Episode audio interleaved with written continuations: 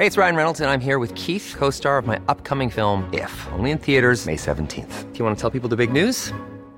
All right, I'll do it. Sign up now and you'll get unlimited for $15 a month in six months of Paramount Plus Essential Plan on us. Mintmobile.com slash switch.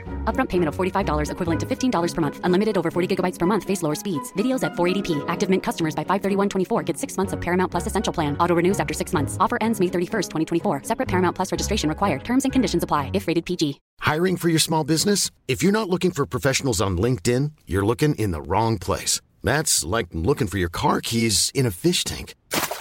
LinkedIn helps you hire professionals you can't find anywhere else, even those who aren't actively searching for a new job but might be open to the perfect role. In a given month, over 70% of LinkedIn users don't even visit other leading job sites. So start looking in the right place. With LinkedIn, you can hire professionals like a professional. Post your free job on linkedin.com slash people today. Many of us have those stubborn pounds that seem impossible to lose, no matter how good we eat or how hard we work out. My solution is PlushCare. PlushCare is a leading telehealth provider with doctors who are there for you day and night to partner with you in your weight loss journey. They can prescribe FDA-approved weight loss medications like Wagovi and Zepbound for those who qualify. Plus, they accept most insurance plans. To get started, visit plushcare.com slash weight loss. That's plushcare.com slash weight loss.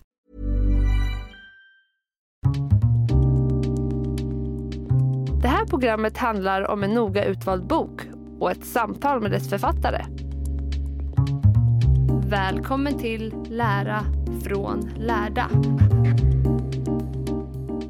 Fredrik Hilleborg vid micken och den här veckan så sitter jag med en bok som heter Ekologi, en introduktion. Och jag har med mig författaren mitt emot mig. Välkommen Håkan Pleijel. Tack så mycket. Trevligt att vara här. Ja, det är trevligt att du är här. Jag brukar alltid börja med att gästen får presentera sig, så jag tänker att du får göra det. Ja, jo men jag heter Håkan Pleijel då och eh, nu jobbar jag som professor i miljövetenskap vid Göteborgs universitet. Eh, jag är biolog i grunden och är väldigt intresserad av allting som rör sig i naturen. Både som i mitt yrke men också privat så jag är mycket eh, ute och letar växter och fjärilar och annat. Har du alltid varit intresserad av? Ja, det har jag varit ända sedan jag var ganska liten då. Så att eh, mitt stora intresse för växter det, det väcktes när jag var åtta år. Jag kan faktiskt komma ihåg lite grann hur det gick till då. För att då, det var där vi hade sommarstuga så hade man lagt upp en jättestor hög med jord. Och ur den där jordhögen så kom det ut massor med fina växter då. Och jag blev lite kan man säga, lite besatt av de här växterna och ville veta vad det var. Jag tyckte också att de var väldigt vackra, det kommer jag ihåg. Och på den vägen är det kan man säga. Mm.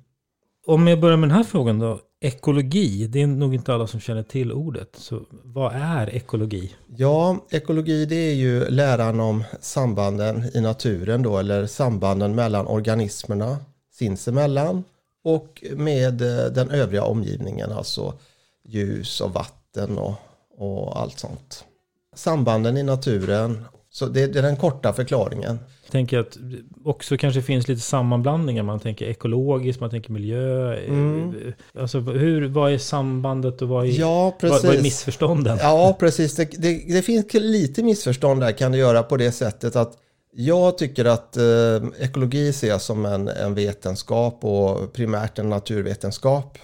Och så det handlar om att eh, förstå hur de här samspelen ser ut. Och eh, det är ju då viktigt. Vi, vi kan ju iaktta och ha, ha gjort sen, eh, i alla fall sedan 1800-talet, eh, viktiga miljöförändringar.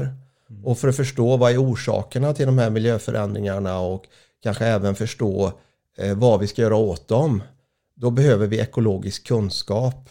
Mm. Men jag skiljer på det som jag tycker är miljövård, som är liksom där det finns ganska starka värderingsdelar som man måste ta hänsyn till. Då, va? Som, och där åsikterna också kan brytas, vad man vill prioritera, vilket problem är viktigast att lösa och sådär. Och ekologin tycker jag mer är, är då eh, kunskapsbakgrunden som vi behöver. Kanske för att lösa miljöproblem, men också tycker jag ju då att ekologin rent allmänt är väldigt intressant och öppnar ögonen för eh, vilken eh, spännande värld vi lever i. Kan du ge exempel på just när det är en fråga som man analyserar inom ekologin och när det övergår till en värderingsfråga? Ja, precis. Nej, men man kan ju ta den här eh, frågan om, eh, om eh, rovdjur som är kontroversiell då så att säga. Är det ju så att eh, ekologin kan ju förklara för vilka är förutsättningarna för om vi vill ha om det nu är varg eller något annat djur, vad är det som är viktigt att tänka på om, om vi tycker att vi vill ha en, en vargpopulation i Sverige. Men hur stor den ska vara och var den ska befinna sig, hur vi ska eh, tillåta jakt och så vidare, där kommer ju värderingsfrågorna in. Mm. Men som underlag för att diskutera eh, en sån fråga så behöver man ju fakta. Och eh, det kan ekologin och kanske en del näraliggande kunskapsområden bidra med. Och jag tänkte, jag kan läsa upp bara så man kanske får lite grepp om eh, boken, för den heter Ekologi, en introduktion. Vad är ekologi? Och sen ekologi, energi och näring, kretslopp, tillvarons gränser, miljöanpassning, evolution, folkräkning i vår Herres hage, naturens olika skepnader, samspel på hög nivå, naturkultur och globala perspektiv. Och någonstans som jag i alla fall snappar upp, liksom en central del är ju det här hur allt det som hänger samman. jo, det, nej men det är absolut, det, det är så. Det är, många människor, eller vi har kanske rent allmänt en, en, en önskan att se saker isolerat. Va? Då blir det enklare saker och ting om vi, vi kanske gör något ingrepp i naturen någonstans och tror att vi har full kontroll då. Va? Men då blir det sådana här sidoeffekter eller spin-off-effekter då. Och ekologin handlar ju mycket om att förstå det här vad som händer i nästa steg. Eh. Jag, jag tänker att vi återkommer till det. En del som jag tyckte var väldigt intressant det är ju liksom grunderna. Jag tänker på fotosyntes och respiration. Alltså grunderna kring så här, växter, djur, människor, hur vi egentligen, vad vi lever på, vad som är speciellt med vår planet och solen. Ska vi börja där? Om du beskriver det. Jo, just det. Nej, men att man kan ju inte överskatta hur viktiga växterna är för oss, utan det är ju alltings grund så att säga. Det är där produktionen av eh, biologiskt material börjar, så som eh, livet här på jorden fungerar. Så de gröna växterna, de, de är grunden och de, det är vi ju helt beroende av. Om de inte mår bra av någon anledning då så att säga, då minskar ju produktionen. Så att eh, och fotosyntesen då är ju en fantastisk process därför att eh, solljuset, att så att säga växterna tämjer solljuset och gör om det då till kemisk energi i molekyler som de själva och alla andra sen kan utvinna energi ur. På vilka sätt då? Resultatet av fotosyntesen är ju, man brukar säga att det bildas socker då, det kan man säga det är det första som händer. Men de här sockermolekylerna de kan ju då omvandlas i sin tur till till eh, andra eh, ämnen, fetter som alla organismer behöver, ehm, även proteiner, då måste man också ha kväve, men det tar ju växterna upp från, från marken då primärt.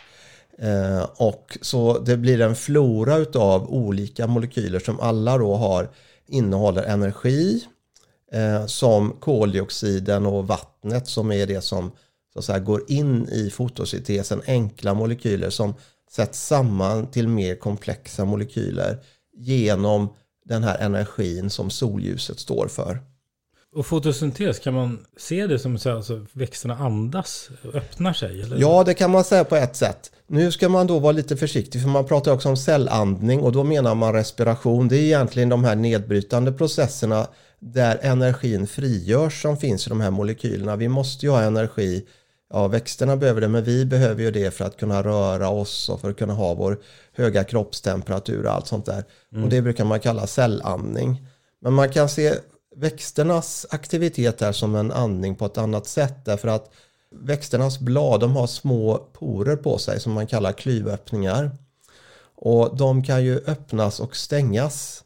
Och de är öppna på dagen i allmänhet för det är då det finns ljus. Så då öppnar de sig och då kan det liksom pysa in koldioxid från luften. Det finns ju en viss halt av koldioxid i luften som då eh, diffunderar säger man. man. man. kan också säga att det pyser in där. Och mm. så kan då fotosyntesen ta hand om de här koldioxidmolekylerna På det sättet kan man säga att växten andas in dem då. Mm. Och sen beroende på olika växter i olika klimat, i olika värme, kyla, ljus och så vidare. Andas in olika mycket, olika tider. Precis, så är det. Och eh, man kan säga att fotosyntesen utsätts ju för olika utmaningar då. Är det väldigt låg temperatur, ja då antingen funkar den inte alls då eller så går den på lågvarv. Mm. Är det väldigt höga temperaturer, då kan man säga att då, då, då slinter fotosyntesen lite grann. Va? Så att den, den funkar inte riktigt eh, lika bra då. Och, och, det betyder att många växter i tropiska klimat de har en annan typ av fotosyntes som är mindre känslig för de här höga temperaturerna då. Så att det fungerar ganska bra ändå. Det kostar lite grann att ha det här andra systemet men vinsterna överväger då. Och sen finns det ju de här, det är ju ett spännande exempel att i så här riktiga ökonområden där det är väldigt torrt. Alltså priset som, som växten betalar för att ha sina klyvöppningar öppna det är ju att det, det pyser in koldioxid så, men det pyser också ut vattenånga hela tiden. Så växten kan inte hindra det så att säga utan den, den, det avgår vattenånga hela tiden. Och är det då väldigt torrt i marken, ja då är det ju kanske ett riskmoment för växten att göra sig av med mycket vattenånga. Och då eh, finns det ökenväxter som eh, istället så har de öppet klyvöppningarna på natten för då är det inte lika varmt. va. Då avgår inte riktigt lika mycket vattenånga. Men då tar växten upp koldioxid. Samtidigt finns det ju inget ljus då. Det är fotosyntesen bygger på. Men då kan man säga att då sparar växten de här koldioxidmolekylerna som den har tagit upp över natten. De binder in den i en, i en viss förening då. Och sen när ljuset kommer på dagen då kan den köra fotosyntesen. Så man kan säga att den har separerat koldioxidupptaget och fotosyntesen med ljuset i tiden då. Så det ena sker på natten och det andra på dagen. Mm. Men eh, våra växter här i, eh, i vårt eh, nordliga svala eller kalla klimat de har, de har inte några sådana anpassningar utan de har mera standard fotosyntesen. Mm. Du nämnde det tidigare just att vi människor är beroende av växterna. För det kan man ju lätt tänka att men vad spelar det för roll om man liksom skövlar lite skog eller liksom vi, vi, vi bor i stan, det är ändå inga, man ser ändå inte så mycket växter här. Kan man ju tänka. Mm. Varför är vi beroende av växterna? För, för hela, hela livet kan man säga då att, eh, att eh, dels är det naturligtvis matproduktion. Men eh, ja, vi producerar papper, ved, timmer, en oerhörd massa saker, textilfibrer. Vi utnyttjar ju totalt sett en väldig massa växter. Och dessutom är ju alla djur eh, beroende av att äta växterna. Så att eh, jo, nej men man kan ju lätt eh, kanske speciellt i dagens läge när så många människor bor i, i, en stadsmiljö och inte kanske möter det här med matproduktion och timmerproduktion och, och så vidare så kan man få den falska bilden då att vi inte har det här beroendet men det är, jag skulle säga att det är hundraprocentigt. Mm. Jag vet att jag har en, jag har en kollega som ja, har jobbat med, med pedagogisk forskning inom detta och det var någon elev där som hade, hade svarat i någon, någon undersökning de gjorde. Ja, det, det är hemskt att eh, nu försvinner växterna och eh, djuren försvinner. Så till slut blir bara människorna kvar. Grejen är ju den att eh, har vi inte växterna så har vi inga människor heller. Precis. Om vi ska försöka förklara ytterligare hur allt hänger ihop. För, för, för någonstans, växter, djur, människor och alla har någonstans liksom en del av kretsloppet så att säga. Mm. Men, men hur ser kretsloppet ut mer då? Om man tänker sig växterna? Ja, precis. Då har vi ju eh, växtätarna då som är liksom nästa steg i näringskedjan som man brukar säga. Så att det, det är ju väldigt många djur som lever av växter och produktionen av växtmaterial är väldigt stor så det ger ju utrymme till att det ska finnas många växtätare. Det kan vara stora växtätare som, som däggdjur som, som betar eller älgar som lever i skogen men också väldigt många insekter och andra organismer, fåglar, de lever ju på, på växter. Mm. Och, eh, men sen i nästa steg ytterligare i näringskedjan då är det ju rovdjur. Och de lever ju i allmänhet på växtätare då. Då är det ju så att näringskedjan har ingen perfekt effektivitet. Det är ju inte möjligt att ha det kan man säga. Utan för varje steg i näringskedjan så förloras ganska mycket av den energin eh, som fanns. Va? Så att, eh, Varför då? Ja, därför att eh, exempelvis om vi, om vi nu tar en, vi tänker oss en fågel som, låt säga att den äter frön då, som kommer från växtriket då, så använder den ju ganska mycket utav den här energin som den får i sig genom att äta till att hålla sin kropp varm, till att kunna röra sig. Och det förloras då som en värme till omgivningen. Så om vi tar nästa steg då, om vi säger att det är sparvhöken i nästa steg som kanske äter eh, småfåglar. Eh, då finns det inte lika mycket kvar. Eftersom en hel del har gått, gått bort som värme då. Som, eh, och det i själva verket brukar man säga som en tumregel att 90% av energin går förlorad för varje steg uppåt i näringskedjan vi, vi tar då. Ett steg upp måste äta så pass liksom mycket och många. Måste äta många kan man säga Ja. då och därför kan de själva inte vara så många då eftersom det då räcker inte maten till helt enkelt. Mm. Så de som är allra längst upp i näringskedjan det är ju sådana som kanske äter rent av rovdjur då, så att säga rovdjur som äter andra djur som har ätit djur. Och de är ofta väldigt få, va? så att när man kommer högt upp i näringskedjan så, så, så hittar vi eh, rovdjur som alltid har varit, kan man säga, ganska ovanliga i förhållande till de djur som finns längre ner i näringskedjan. Men det betyder inte att de inte är viktiga för att genom att de jagar då så att säga så ehm, påverkar de liksom näringskedjan neråt kan man säga. Alltså att de liksom de, de styr uppifrån och ner kan man säga beroende på vilka djur. Om man vill plocka bort rovdjuren helt och hållet då, de här som är längst upp i näringskedjan. Ja, då kanske det är några andra djur som ökar väldigt mycket. Och till det kanske är växtätare som ökar. Vissa växtätare ökar väldigt mycket för de inte blir uppätna längre. Och då käkar de ner vegetationen så att, eh, eh, att växtligheten minskar eller det kanske blir andra växtarter. Eh, så att eh, det, det spelar väldigt stor roll vad som händer i näringskedjan. Det är mycket i naturen man kan förstå om man förstår näringskedjan. Både det här med energin då, att man förlorar energi i varje steg. Men också vilka är det som finns på de olika stegen i näringskedjan. Ja, just det. Man, man pratar ju förstås om växter och växtätare och, och, och köttätare. Predatorer. Ja, predatorer det är ju Eh, Men i olika världsdelar, olika länder så ser ju... Och, och, ehm, om man pratar om ett kretslopp, är det hela jorden eller är det en... Ja, det behöver det inte vara. Utan man kan tala om kretsloppet i en skog till exempel. Mm. Men i vissa fall så är det ju viktigt att förstå vad som händer på den globala nivån. Men om man, om man tar, eh, tänker sig en skog exempelvis så, så har vi ju träd och andra växter som växer där då. Då tar de upp koldioxid och vatten måste de ju ha också. För att kunna leva behöver de också ta upp andra näringsämnen. Så man kan säga att växterna växer med hjälp av fotosyntesen. Det är sant.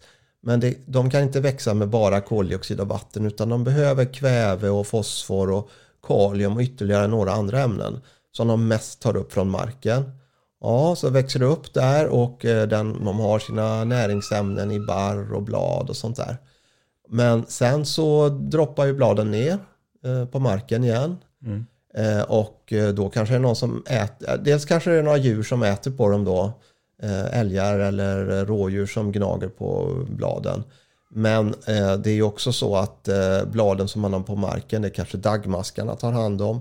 Och då bryts de ner och då frigörs ju de här näringsämnena igen. Och koldioxiden och vattnet som hade liksom gick in i fotosyntesen frigörs också då. Så det går runt, Så runt. det går runt, runt ja. Och då de här näringsämnena de kan ju användas gång på gång på gång. Sakta men säkert kanske ekosystemet förlorar lite kväve, det kanske rinner ner i grundvattnet och försvinner. Samtidigt kommer det in lite grann kväve genom atmosfären. Och så, så att eh, man kan säga att eh, på en global nivå är naturligtvis, eh, måste eh, kretsloppen vara slutna. Allting måste under, sett över längre tid, hänga ihop. Va? Men för en enskild skog kan det ju vara så att den läcker under en viss tid, några ämnen, eller tar upp väldigt mycket. Men i grunden så är det ett kretslopp som pågår. Och och, eh, så man kan säga att kretsloppet är lite grann förlängningen av näringskedjan.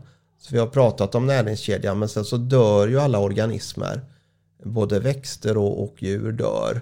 Och svampar och även annat. Och då sätter de här nedbrytarna som är ju en väldigt viktiga organismer i naturen, då sätter de igång och bryter ner det här organiska materialet och då frigörs näringen. Och så kan vi börja om från början igen. Mm. Så på det sättet är det ju som en, en cykel, något som går runt då. Och um, jag läste en artikel häromdagen då, och jag tyckte mest det var intressant, för det här ser man ju lite då och då i, i media. Det står så här att avverkningarna eh, i fjällnära skogar har skadat biologisk mångfald. Jag tänkte mest, jaha, ja, det låter ju inte så bra, men vad innebär då det egentligen? Ja, precis. Jo, men biologisk mångfald, det är ju helt enkelt den stora variation vi har av arter. Och eh, alla organismer, det krävs ju vissa förutsättningar för att de ska klara sig då. Och eh, det, det, kan ju vara ganska olika mellan olika organismer. En del är väldigt toleranta och vi kan gå ganska hårt åt naturen. De kommer ändå finnas kvar. Men det finns ju exempelvis arter då som nästan bara lever i gammal skog eller riktigt gammal skog där det finns mycket eh, död ved kan det vara som finns. Det kan vara skalbaggar, det kan vara svampar som tickor och så vidare som egentligen bara finns där då. Mm. Eh, och även eh, levande riktigt gamla träd de kan också vara väldigt viktiga då. Om man bedriver över alla områden ett väldigt hårt skogsbruk då kan man säga att man förenklar ekosystemet. Det kanske mest gran, man eh, prioriterar granen väldigt mycket. Man låter den inte bli speciellt gammal. Mm. De flesta träd är ungefär jämnåriga med varandra. Va? Och det blir ett förenklat ekosystem som blir artfattigare. Om man säger att det blir artfattigare då är det ju detsamma som att det blir en minskad biologisk mångfald. Och, då om jag ställer en medveten dum fråga, liksom, men vad spelar det för roll? Kan man ja. inte bara ha lite färre? Jo, men det är en relevant fråga. Behöver vi alla arter? Mm. Ja, och, och, då kan man väl säga som så här att eh, eh, några arter är det väldigt uppenbart att vi behöver. Eh, ja, det är ju för mat och alla våra basala behov. Men för att de arterna ska ha det bra eh, så krävs det också att andra arter trivs då. Men det kan ju vara som så att det finns några så här, väldigt sällsynta arter eller så som inte påverkar hur bra vi har det särskilt mycket. Men vi vill kanske inte leva i en värld där allting, så att säga, den enda prioriteten är människan så att säga, utan att eh, där vi tycker att det ska finnas ett utrymme för egentligen alla organismer att ha en plats.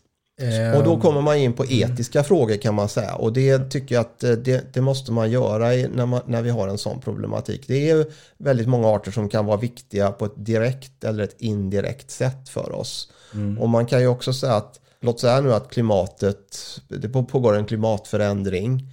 Och då kanske det är så att det är bra att det finns lite extra arter, eller hur vi nu ska säga. Några av dem kanske kan hantera ett lite annorlunda klimat bättre. Eh, och eh, då, då, så det finns en slags eh, en, ett visst överskott av förmågor bland de här arterna som gör att eh, ja, naturen har en större anpassningsförmåga skulle man kunna säga. Mm. Men när det gäller en del arter då ska jag säga det att det är framförallt eh, då etiska skäl då för att eh, vi ska bevara dem för att vi tycker att eh, inte vill leva i en värld där man liksom eh, mer och mer utarmar den biologiska mångfalden. Och sen är det väl så här, gissar jag, alltså min gissning är ju också att jag tror att fler kanske reagerar på att om den vita noshörningen dör ut än om alla insekter, ja, insekter försvinner. Precis, det Även finns... fast insekterna är viktigare kanske då. Ja, precis. Nu ska så här, stora däggdjur och så, de kan ju påverka naturen där de är väldigt mycket i och för sig. Noshörningar är väl i huvudsak redan så sällsynta så de kanske inte eh, påverkar så jättemycket. Elefanter däremot påverkar väldigt mycket. Finns det elefanter eller finns det inte elefanter? Va? Mm. Det liksom förändrar naturen väldigt mycket. Så, eh, men, men jag håller med dig om det att vi har en tendens att eh, fokusera på dels arter vi tycker är söta eller är stora så att liksom, vi lägger märke till dem. Liksom sådana vi tycker är gulliga och så. Alltså det, har en, eh, det påverkar oss väldigt mycket. Och då tycker jag väl om man, om vi nu ska, om man nu ska vi måste ju acceptera att vi har sådana känslor. Mm. Om man liksom sitter, jag kan, kan komma ihåg när jag var i eh, Ostafrika någon, någon gång och eh, jag tittade på eh, sådana här eh, gröna markattor tror jag det var. Eh, och, eh, Vad är det för något? Ja, det är en apa då. Mm. Så då var det liksom en hel grupp där. Det var några äldre och så var det liksom några, några mer, såg ut lite som tonåringar kanske i sin kategori. Och någon som, någon liten BB där som, eh, som diade då men ändå ville titta på oss väldigt mycket sådär. Eh, och eh, det är klart att det är svårt att inte bli berörd av det. Va?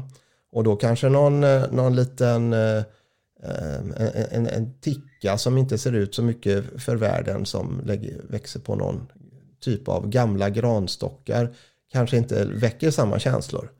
Men om vi nu ska vara ekologer då, liksom håll- förhålla oss vetenskapligt, då tycker jag att vi måste försöka ta oss ifrån eh, det där och eh, ha en mer likvärdig, ska man säga, rätt, rättvis, eh, se rättvist på olika typer av organismer. Och inte bara låta oss ledas av, av precis vad vi tycker är vackert eller påfallande eller gulligt. Vad de har för betydelse för kretsloppet? Och för Både vad de har för betydelse för kretsloppet och kanske också att om man nu har, gör den värderingen att man tycker att ja, nej men de, eh, all, alla ska ha en, eh, i grunden ska vi försöka se till att alla arter har en plats. Va? Mm. Så att vi får inte försumma några därför att vi blir så väldigt eh, eh, ska jag säga, överengagerade för några andra. Men det, det, det tror jag att alla påverkas av detta. Det, Jag tänkte på en annan fråga som är, du beskriver det och det är någonting som man också ser ganska mycket i nyhetsförmedlingen.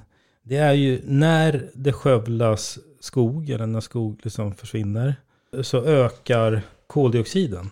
ja, precis. Och, och då kan man ju undra, men varför då? Jo, men då, då skulle jag säga som så här att det är ju om det är som så att vi övergår mer eller mindre permanent från ett ekosystem med en väldig massa biomassa, alltså en massa trädstammar och annat, till en annat ekosystem som innehåller väldigt mycket mindre biomassa. Låt säga att man tar en, en, eh, en, en skog någonstans i, i Sydamerika och så ja, sågar vi ner den och så gör vi en betesmark av den istället.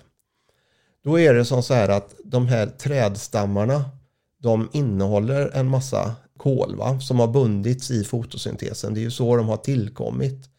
Och dels kan det göra att man sätter eld på dem eller man, på något sätt så, så kommer man att byta från ett ekosystem som innehåller mycket bundet kol till ett annat som innehåller lite bundet kol. Och den övergången innebär en kan man säga, nettofrigörelse av koldioxid. Och olika träd, olika skogstyper binder olika mycket. Ja, precis. Det beror ju egentligen helt enkelt på hur mycket biomassa de innehåller. Det är ju liksom det som är nettoresultatet av fotosyntesen efter att det försvinner en del genom respiration som vi pratade om och sådär. Så att en, en skog som innehåller många stora träd, va, den, den binder naturligtvis mycket kol. Hey, it's Ryan Reynolds, and I'm here with Keith, co star of my upcoming film, If, only in theaters, May 17th. Do you want to tell people the big news? All right, I'll do it. Sign up now and you'll get unlimited for $15 a month in six months of Paramount Plus Essential Plan on us. Mintmobile.com slash switch. Upfront payment of $45 equivalent to $15 per month. Unlimited over 40 gigabytes per month. Face lower speeds. Videos at 480p. Active Mint customers by 531.24 get six months of Paramount Plus Essential Plan. Auto renews after six months. Offer ends May 31st, 2024. Separate Paramount Plus registration required. Terms and conditions apply if rated PG. Wow. Nice. Yeah. What you're hearing are the sounds of people everywhere putting on Bombas socks, underwear, and t-shirts made from absurdly soft materials that feel like plush clouds. Yeah, that plush. And the best part? For every item you purchase, Bombas donates another to someone facing homelessness. Bombas. Big comfort for everyone. Go to bombas.com slash ACAST and use code ACAST for 20% off your first purchase. That's bombas.com slash ACAST. Code ACAST. Burrow's furniture is built for the way you live.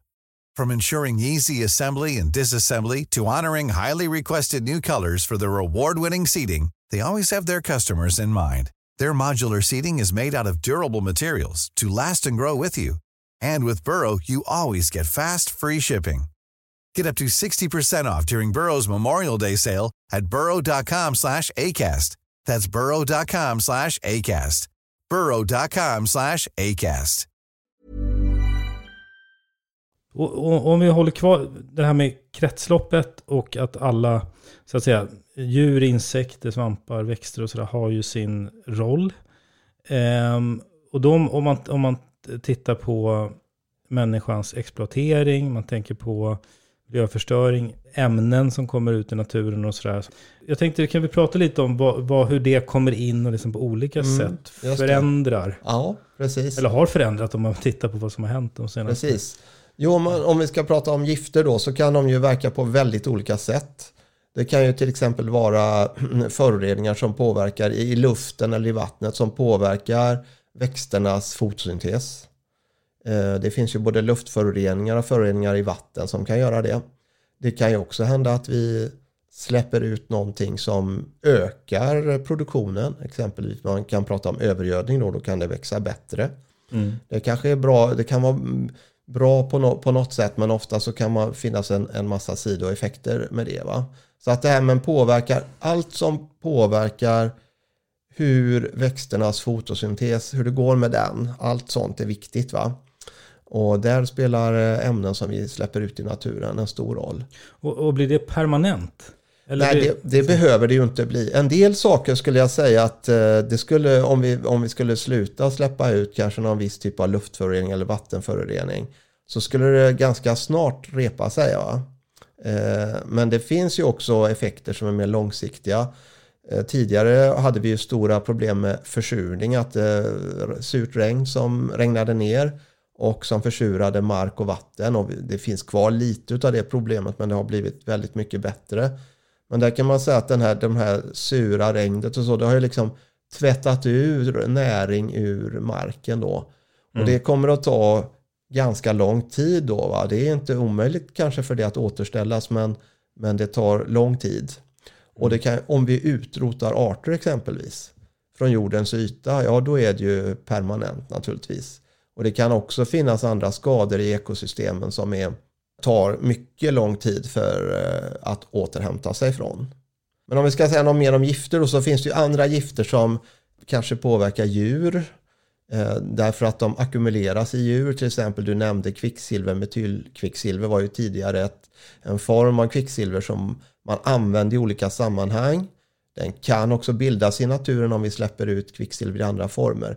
Och den har en väldigt stark eh, tendens att ansamlas i organismer.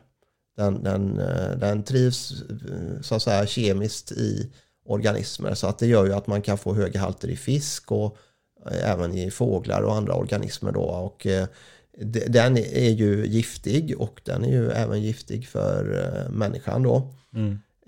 Och vi hade ju tidigare använde vi ju mycket mm, kemiska bekämpningsmedel då. DDT är ju ett väldigt känt exempel.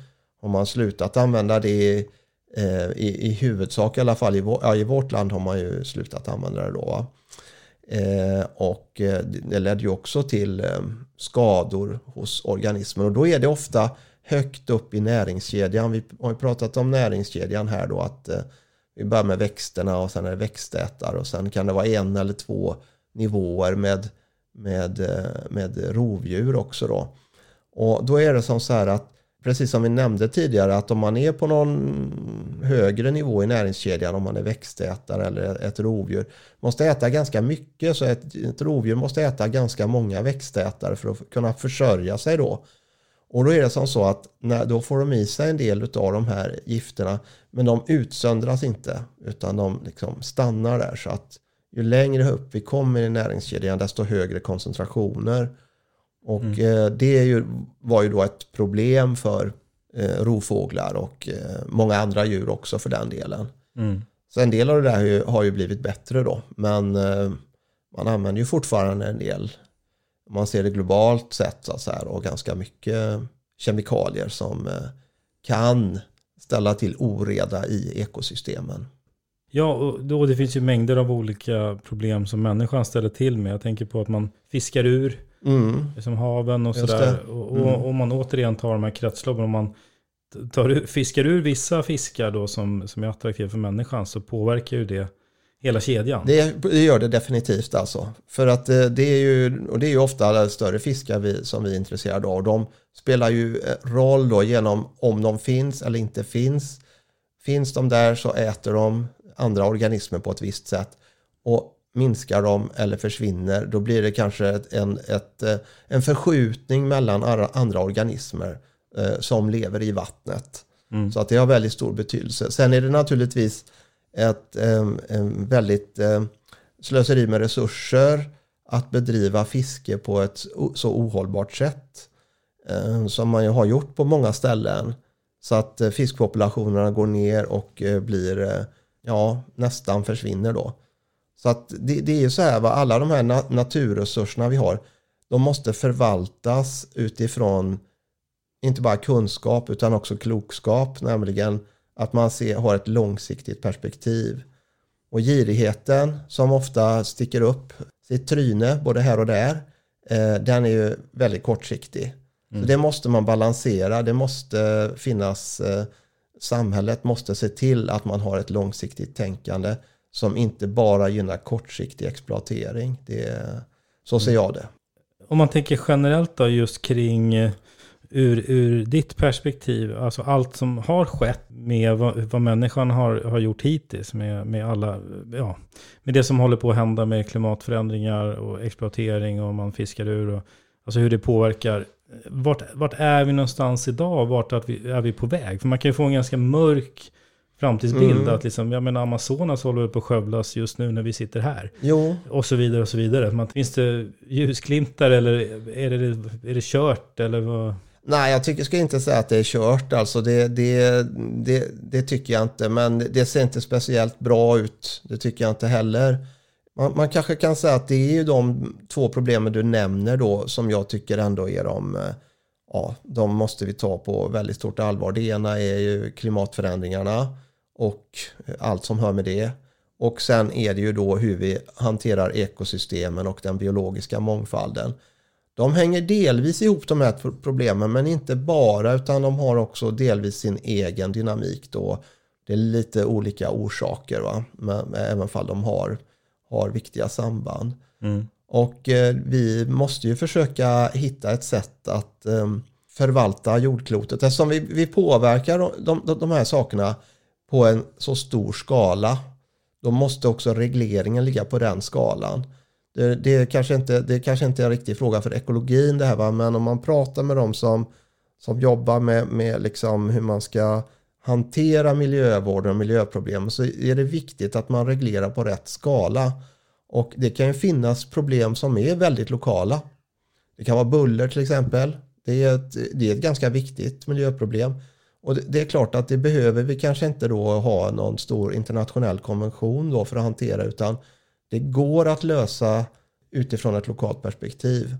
Men när det gäller klimatförändringarna och även skulle jag säga, även fall det är kanske summan av väldigt många lokal påverkan som leder till den genomgripande förändringen av ekosystem som man ser i många del, på många delar av jorden så måste man också ha ett eh, internationellt samarbete kring det.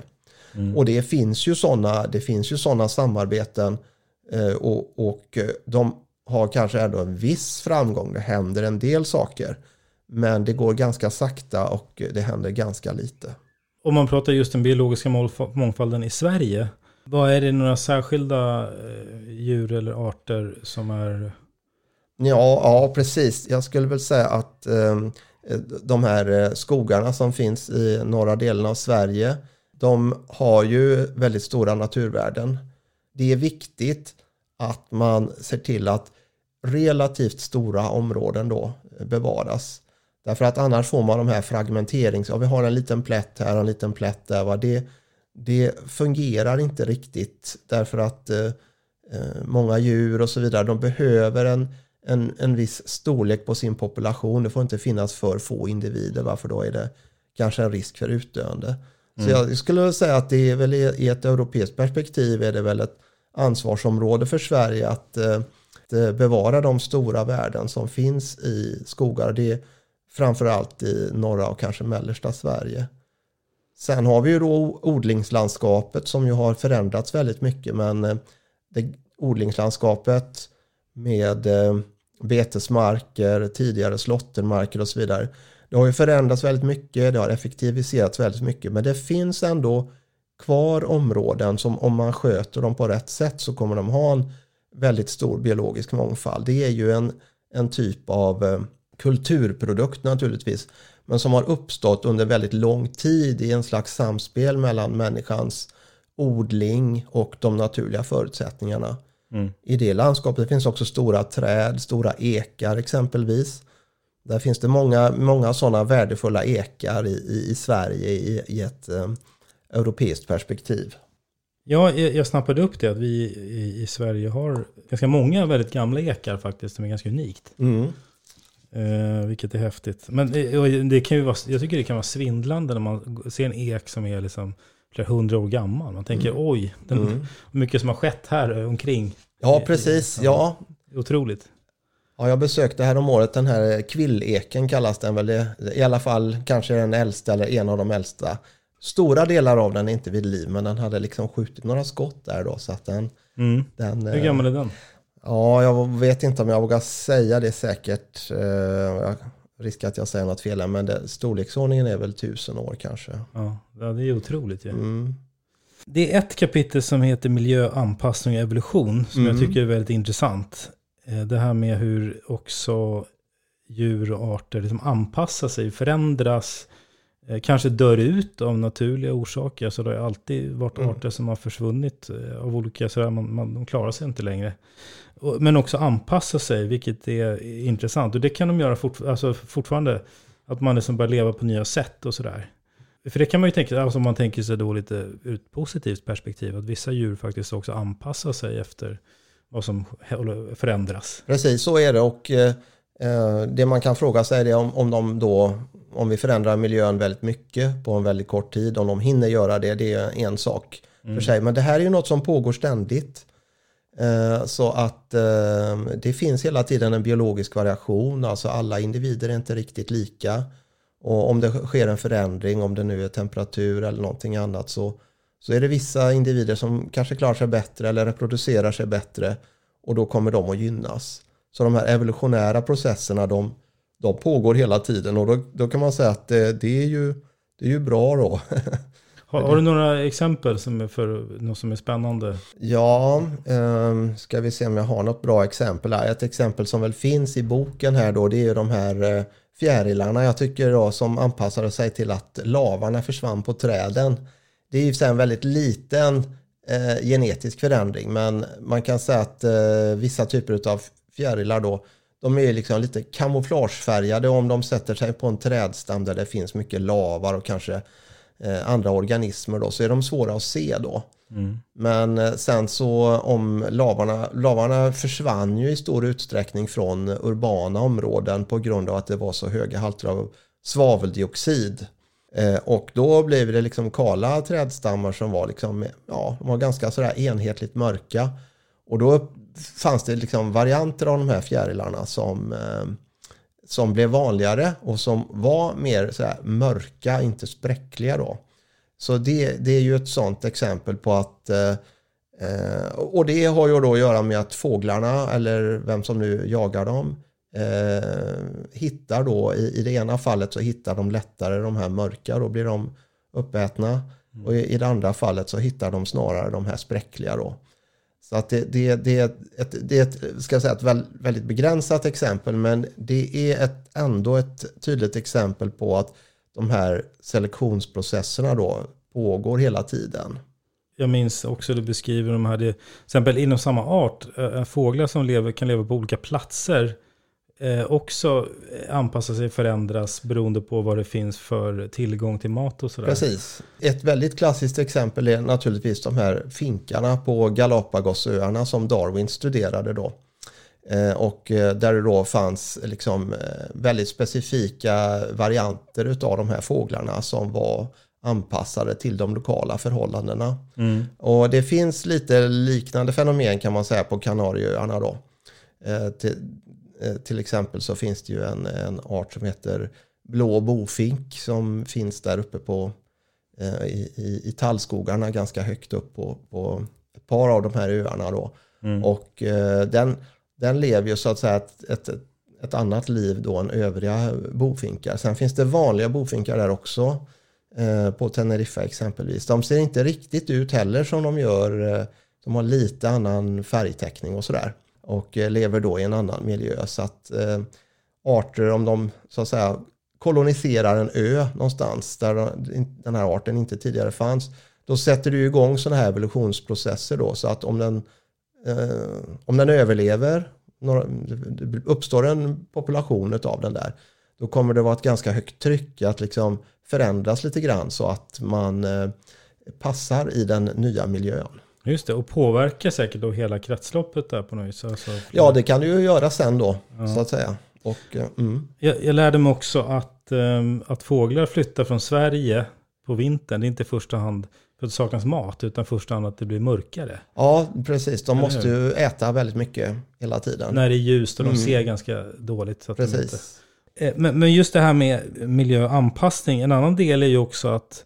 det kan ju komma nya djur. Alltså antingen som människan tar dit, genom historien har följt med båtar eller att man förflyttar djur som kommer in i en miljö där de inte är naturligt, som också förändrar. Eh, och jag tänker mig i framtiden, tänk om det blir varmare klimat, att djur, vissa djur kommer flytta på sig. Det måste ju också, kommer ju spela in väldigt mycket. Jo, det har ju en, en väldigt stor betydelse då. Va? Och eh, det kan man säga att här i Sverige hade vi ju då en, en nedisning av hela, hela landet var nedisat då för eh, till ja, storleksordningen 10 000 år sedan. Då. Och sen så har ju då alla organismer vandrat in därefter. Och det är ju kanske en process som inte eh, är fullbordad om man säger så, utan det, det är en kort tid med geologiska mått. Då, va? Men nu, ja, dels så, så har vi ju det här med att eh, människor avsiktligt eller oavsiktligt har fört med sig arter till nya platser. Och det kan ju ha väldigt stora konsekvenser och inte minst då om vi nu pratar om isolerade öar i havet då. Där har det ju oftast inte funnits så mycket rovdjur faktiskt. Så det betyder att de arter som finns där de är inte riktigt anpassade till att försvara sig mot eh, aggressiva rovdjur. Om vi då för in hundar eller katter eller grisar som ju äter lite det ena och det andra då så kan det gå ganska dåligt. Och, eh, du gav exempel på någon orm också. Ja, precis. Det är de här eh, bruna trädormarna då som har spridit sig till olika platser i Stilla havet då. Och eh, de... Vad har de kommit dit med? Ja, då, ja, de har kommit hit med människan, ja. ja just det. Varför då? Med, med ja, det är nog oavsiktligt, tror jag. Och de har ingen naturlig fiende och sådär? Nej, precis. Och de är, käkar då upp fåglar. Så de är effektiva jägare. Mm. Människan kan väl också hjälpa till med att tillsätta eh, nya arter eller liksom man planterar växter mm, och sådär. Precis. Alltså till vilken grad går det att påverka kretsloppet positivt? Ja, precis. Det, det är också farligt att vara klåfingrig då. Så att säga, ibland så har man ju gjort sådana här grejer att man har planterat in någon art som man tror att det ska gå bättre. Men eh, alltså någon art som kanske ett träd som kommer från någon annan del av världen så ska det växa mycket bättre. Men då visar det sig att det finns någon parasit där då som på det här nya stället som, som eh, det här trädet inte klarar av riktigt då. Mm. Och, och, och eh, så att det, det, det finns många exempel på att man har först har man fört in någon art och så blev det något Eh, Eh, problem med den då. Sen försöker man föra in någon annan art som ska rätta till det problemet. Men det är klart att det kanske är bättre att inte vara alltför klåfingrig va? därför att det är väldigt svårt att avgöra, göra en väldigt exakt prognos av vad kommer hända om vi för in eh, kaniner i, i Australien eller vad, vad det nu är man... Har du exempel på lyckade sådana? Det är ju inte alls självklart att det ska bli några problem. Det har ju förts in, vi har ju trädgårdarna här är ju fulla av växter som vi odlar, eller hur? Många av dem kommer ju från andra ställen i världen och eh, de sprider sig inte och ställer inte till med några speciella problem utan det är ju vissa då som, som har det som parkslide är ju en sån här eh, hatad växt då som eh, sprider sig både i trädgårdar men också ute i naturen och kanske anses vara ett problem i, i vissa naturreservat och sådär. Men eh, jag, jag, tycker att man måste vara försiktig när man eh, gör sådana här saker. Men det finns mängder med arter som vi odlar och som vi kanske har nytta av på olika sätt som inte sprider sig och eh, leder till problem. Är det någon pusselbit som inte har nämnts som du vill eh, hinna nämna? Det tycker jag ju är det här globala perspektivet då som jag behandlar i slutet av boken. Man brukar tala nu om jordsystemvetenskap då. Och det är ju, eh, jag ska säga när jag började syssla med de här frågorna kanske på 80-talet då. Det är klart man diskuterar en del globala problem och sådär men att saker och ting verkligen hänger ihop på ett väldigt storskaligt sätt och att det vi gör i en del av världen påverkar starkt vad som händer i en annan del av världen. Det var nog ingen som riktigt tänkte på det då. Det var i alla fall inte så etablerat. Utan det här är ju någonting som har vuxit fram, en förståelse av hur saker och ting hänger ihop på en global nivå. Mm. Och eh, det gäller inte bara klimatförändringarna utan det gäller ju en del andra saker också. Så att eh, det är väl någonting jag tycker är mm, viktigt mm. att eh, förmedla och att man diskuterar. Förutom klimatförändringarna, vad gäller det också? Ja, vi har pratat om det här med biologisk mångfald och hur, hur, eh, hur ekosystemen mår då så att säga. Vi har även pratat om det här med eh, låt säga fiskpopulationer och så vidare. Kanske um, jag tycker det, det, är i alla fall väldigt storskaliga problem. Ja, det finns ju luftföroreningar som kan transporteras. Att man förstod kanske då på 60-70-talet att det fanns en viktig transport av luftföroreningar mellan länder. Men nu, nu vet man ju också det att det kan finnas en, en viktig transport mellan kontinenter då. Så att vi har fått en fördjupad förståelse för skalan då. Mm. Och man måste ju säga att det här att det införs arter då medvetet eller omedvetet i olika delar av världen. Det är ju en del av en slags global utjämning. Alltså liksom eh, arterna, genom att man gör så här så får alla möjliga arter chansen att kanske etablera sig på olika nya platser med lite oanade konsekvenser.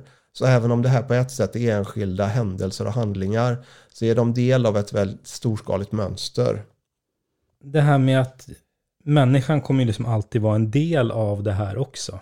Mm. Vi är ju inte, vi är här och naturen där. Nej, det, det tycker jag det är ju så. Vi måste ju, vi lever ju av, vi är en del av naturen skulle jag säga. Och kanske en väldigt speciell del av naturen i och för sig. Men vi är ju helt beroende av den. Och den är också beroende av oss. Mm. Eh, så vi, vi, det går inte, vi, man, man, kan säga så här att vi ska inte Eh, betona för mycket människans roll. Vi ska, för vi upphöjer oss då till skapelsens krona och liknande. Eh, och det kan jag hålla med om att det finns eh, sammanhang där det tenderar att bli på det sättet då, en slags överordning, underordning. Men det går inte att komma ifrån att det är ju människan som skapar förändringar. Människor har, alla har inte samma makt att göra de här förändringarna, men de som skapar de här förändringarna är ändå människor då. Mm.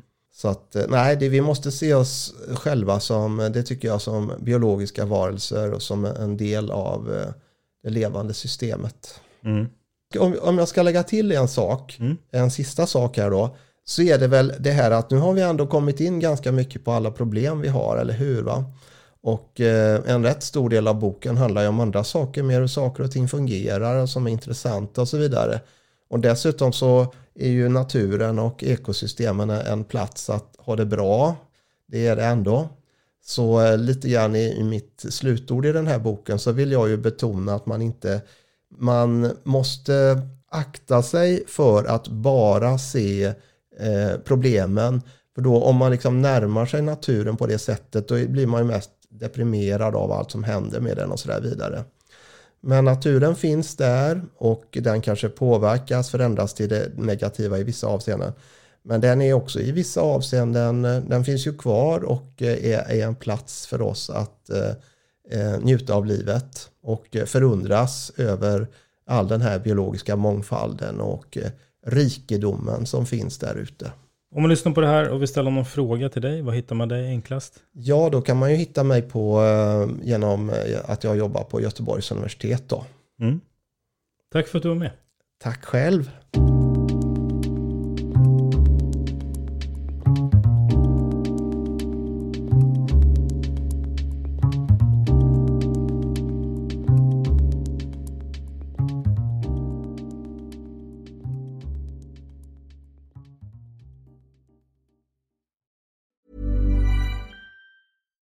It's Paige DeSorbo from Giggly Squad. High quality fashion without the price tag. Say hello to Quince. I'm snagging high-end essentials like cozy cashmere sweaters, sleek leather jackets, fine jewelry, and so much more. With Quince being 50 to 80% less than similar brands. And they partner with factories that prioritize safe, ethical, and responsible manufacturing. I love that. Luxury quality within reach. Go to quince.com slash style to get free shipping and 365-day returns on your next order. quince.com slash style. Imagine the softest sheets you've ever felt. Now imagine them getting even softer over time. That's what you'll feel with Bowl and Branch's organic cotton sheets. In a recent customer survey, 96% replied that Bowl and Branch sheets get softer with every wash. Start getting your best night's sleep in these sheets that get softer and softer for years to come. Try their sheets with a 30-night guarantee. Plus, get 15% off your first order at bowlandbranch.com. Code BUTTERY. Exclusions apply. See site for details.